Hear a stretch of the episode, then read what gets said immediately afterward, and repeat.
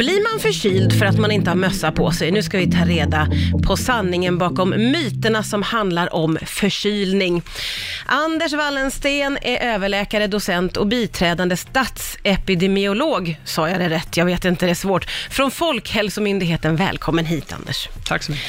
Eh, ja, men ska vi börja med den då?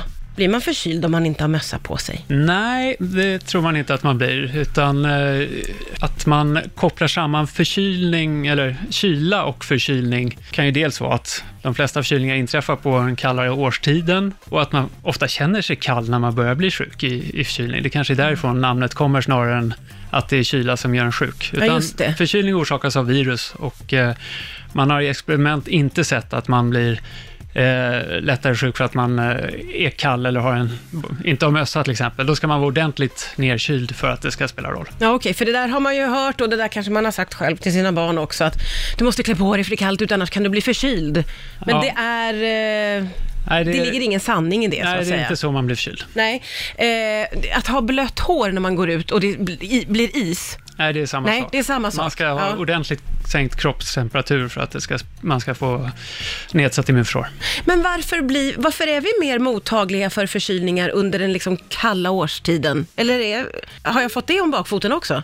Ja, det är väl... Eh, det, man tror att det är flera faktorer. Det man brukar säga är vanligaste anledningen är att det är kallt man, ute, man är inne mer, man umgås mer. Men det är också säkerligen så att vissa av de här virusen eh, sprids lättare i kall eh, miljö och kan överleva lättare i, eh, i miljön också. Så att eh, det, det är dels att det då kan spridas lättare i torr och kall luft och eh, att man är inomhus mycket och kanske också finns det som eh, har studerat att näslemhinnor och liknande kan vara mer mottagliga för virus i kallt väder. Men det är lite oklart kring den forskningen. Men för det här med vabruari, som man ju brukar kalla februari, att då är det så otroligt många som är hemma med sjuka barn.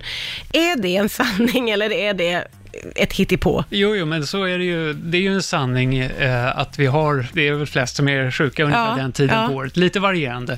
Eh, det är ju många smittor som kommer den här tiden på året. Vi har ju till exempel influensa, då väldigt många kan vara sjuka samtidigt. Men även eh, kräksjukevirus och Mm. liknande. Allt florerar ungefär samtidigt, gynnade av att vi är inomhus mycket och den här kalla luften som kanske, och bristen på solsken som gör att Mm. bakterier och virus kan överleva lättare. Eh, och då finns det ju vissa konkreta saker som jag vill bara fråga rakt ut. Det första är ju huskurer, Anders.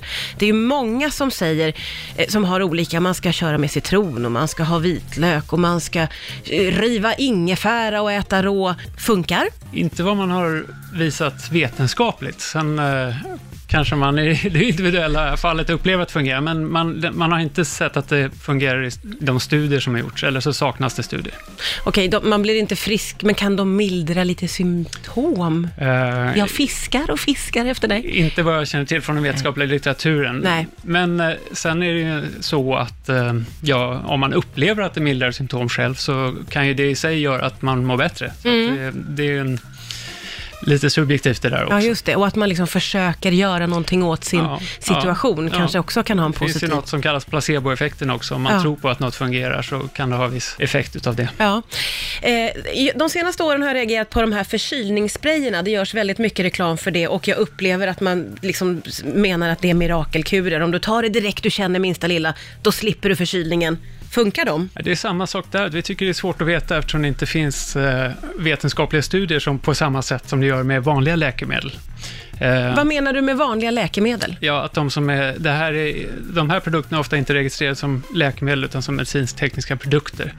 Och det är en viss skillnad där i beviskravet. Ja, så att det, okej. därför så kan det, enligt eh, företagen kan det vara på ett visst sätt, men det är inte samma beviskrav som det finns för vanliga läkemedel. Nej, okej. Men så det, det kan ha en liten effekt för att man känner att man gör något, eller alltså, kan det ha samma effekt Ja, som en och det huskur? kan ju ha en effekt, men den kanske inte är bevisad vetenskap på samma sätt. Nej. Eh, eh, sen har jag hört att stress gör en mer mottaglig för en förkylning. Ja, stress kan säkert ha en viss påverkan på hur man, eh, motståndskraftig man är generellt mot eh, infektioner, om man har höga stressnivåer. Mm. Det här att man ska hålla sig på en armlängds avstånd och absolut inte röra en person som nyser och snorar. Ja, alltså grunden till att bli smittad är ju eh, att man får virus i sig på något sätt. Och eh, det kan antingen ske via kontaktsmitta, att man rör vid något och sen så själv för in viruset via mun eller ögon eller näsa. Ja. Eller att det, man andas in via luften helt enkelt, små partiklar. Och eh, så eh, att hålla avstånd från någon som är sjuk är ju ett bra tips kan man ju säga. Men ska man också akta sig för att hålla i ledstången på bussen? Ja, man ska i alla fall tvätta händerna efteråt rekommenderar vi. Ja. Men eh, eh, som sagt, det, det är ju, man måste ju få in viruset på något sätt. Det, Du måste också svara på frågan om huruvida barn är större smitthärdar än andra. Men för, och det kanske jag inte ens riktigt har hört, utan bara fått för mig faktiskt. Är de det? ja, det skulle jag säga. Eh, Både på grund av att deras immu- immunförsvar inte är lika välutvecklade som eh, det är när man är vuxen och eh, genom det faktum att de inte har eh, samma möjlighet till hygien kan man väl säga. Nej. Eller uppfattning om... De kan ju vara lite vidriga med snor och De sånt där. kan kladda lite mer än oss Ja, ja Mm. precis.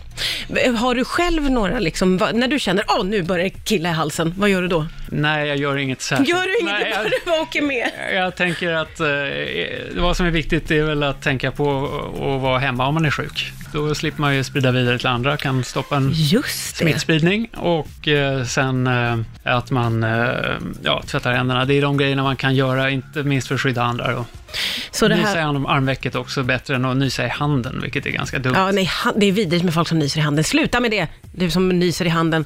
Eh, så om någon dyker upp på ditt jobb och harklar och hostar och liksom vill vara tapper, då, det blir inte populärt. Nej, jag tycker det är fel strategi om man har möjlighet att vara hemma. Alla har ju inte det, men Nej. har man möjlighet så är det bättre att jobba, mm, i alla fall hålla sig på, på avstånd när man är, är förkyld eller har sån smitta. Ja. Eh, det här tycker jag var jätteintressant. Jag är så himla glad att du kom hit, eh, Anders Wallensten.